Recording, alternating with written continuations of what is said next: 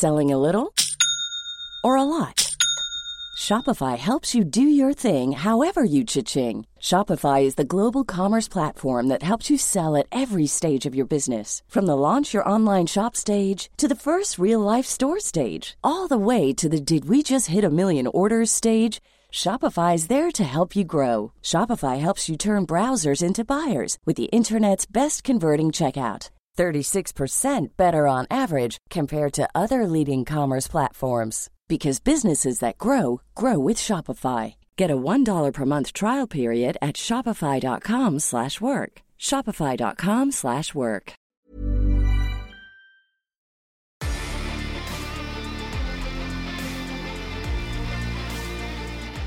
Ja, löjtnant, vi har stövlat fram till den 5 december. Jajamensan. Och då är det en ny vecka igen. Nu är det ju måndag igen då. Ja, Men eh, vi håller ju i och eh, kör vidare i våran kalender. jajamän. Det gör vi. Inga luckor här så att säga. Nej, bara två. Mm. Ska vi öppna, ska vi öppna den första? Ja, vi kör direkt. Och i lucka 5 i ölkalendern så hittar vi eh, Leffe Blond. Okej, en favorit från dig. Ja, fast det här är en alkoholfri och den har jag aldrig provat förrän nu. Mm. Eh, Leffe Blond är ju fantastisk eh, belgisk ljus ale. Mm. Eh, och det här är dess eh, alkoholfria eh, lillebror. Eh, den här den är god. Mm. Eh, absolut inte lika god. Här är den första gången jag faktiskt har testat både den alkoholfria och den riktiga så att säga, så jag kan jämföra. Eh, Den är ju inte lika god. Alkohol är ju en smakbärare, så är det ju. Men Absolut. det är ett fullgott alternativ för den som vill prova en, en, en belgare, en, eh, en riktig belgisk eh, ale då. Och Mm. den är ljus, så det kan vara bra, bra alternativ för den som vill börja testa en, en, en belgisk ale då. Just att den är ljus då. Och den här är dessutom alkoholfri. Mm. Fullgod, fullgod ersättare till den vanliga Leffe Blond skulle jag säga. Ja.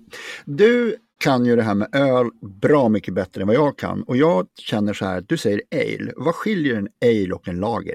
Mm, en lager är ju en underjäst eh, och ale är ju överjäst. Så det har med temp- temperatur att göra. Berätta vad överjäst och underjäst är. Ja, men grovt förenklat så eh, lager är ju ganska modernt påfund, alltså industrialismen eftersom att den, den, ska ju, l- den ska ju jäsas kall. Det är Ja. det som är underjäst. Så att eh, det är ju, lager är ett samlingsnamn för de underjästa ölen egentligen och de säger att de kom till ja, men, ganska modern tid för det kräver ju ofta kyla. Det är klart du kan hitta kyla i en jordkällare till exempel och så vidare. Eh, Men ale är ju det, mest traditionella, den är överjäst. Alltså den, den, den jäser ju i, i den temperatur som du, som, som du ställer den i, betydligt varmare då. Okej. Ja, det finns ju även spontanjäst öl. Är inte det de som jäses med öppna kar så att det som är i luften ramlar ner i och ger olika smak? Ja, spontanjäst öl, det är att fria jästpartiklar i luften får starta jäsprocessen. Det vill säga att eh, tillsätter du ingen jäst så kommer du ju liksom jäsa av det som kommer. Alltså mikroorganismer som finns i luften bildar en jäsning. Det jag vet inte, Emil och grisen, eh, de äter väl eh, jästa körsbär eller någonting va? Det har väl legat och jäst just på någon ko- kompost där och, och bildat alkohol.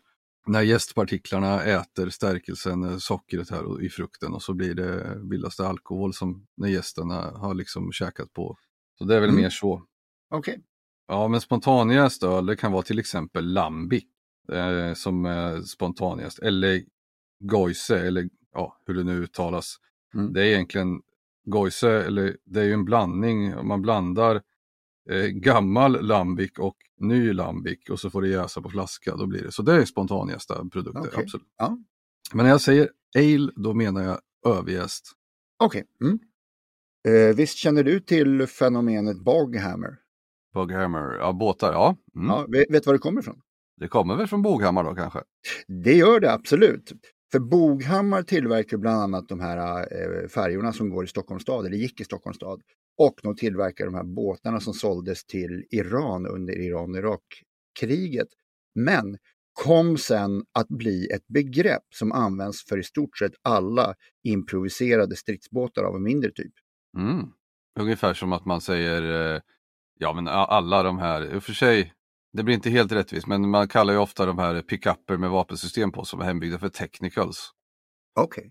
Och det, det, är liksom ett generellt begrepp, men det, det här härrör ju inte från något företag egentligen. Men vi kan säga att man kallar eh, all cottage cheese för keso. Eller alla terrängbilar för jeepar. Ja, jag är med. Ja. Ja, men då måste vi öppna den historiska luckan i den femte. Absolut, absolut. Vi rör oss som vanligt när det kommer till Henning eh, mycket i andra världskriget och här är vi den 5 december 1941. Då handlar det om striderna utanför Moskva där tyskarna står och elakt knackar på dörren. Och då har vi då Georg Sjukov, han generalen som blir väldigt känd mot slutet av kriget där, en kompetent man som startar ett anfall, ett massivt anfall av sovjetiska soldater som motanfaller den tyska armén som står utanför Moskva. Och det är väl här egentligen kriget börjar vända för Tyskland, för nu går det inte så bra längre. Okej. Okay. Mm. Och samma dag så förklarar England krig mot Finland, Ungern och Rumänien. Okej. Okay. Mm. Och sen så, en annan rolig sak, eller rolig, försvinnande gott. Eh, den 5 december 1945 så försvinner flight 19. Vet du vad det är? Nej, berätta.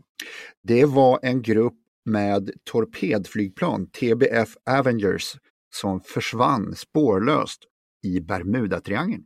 Mm -hmm. mm. Så det får man läsa på om man inte vet vad det är för något. Spännande. Mm. Så är det. Ja, med det så stänger vi lucka 5 och går vidare mot den 6 december. Men det är löjtnant, det är först imorgon. Det är imorgon. Så ses vi då. Jajamän, hej! Hej då, hej då.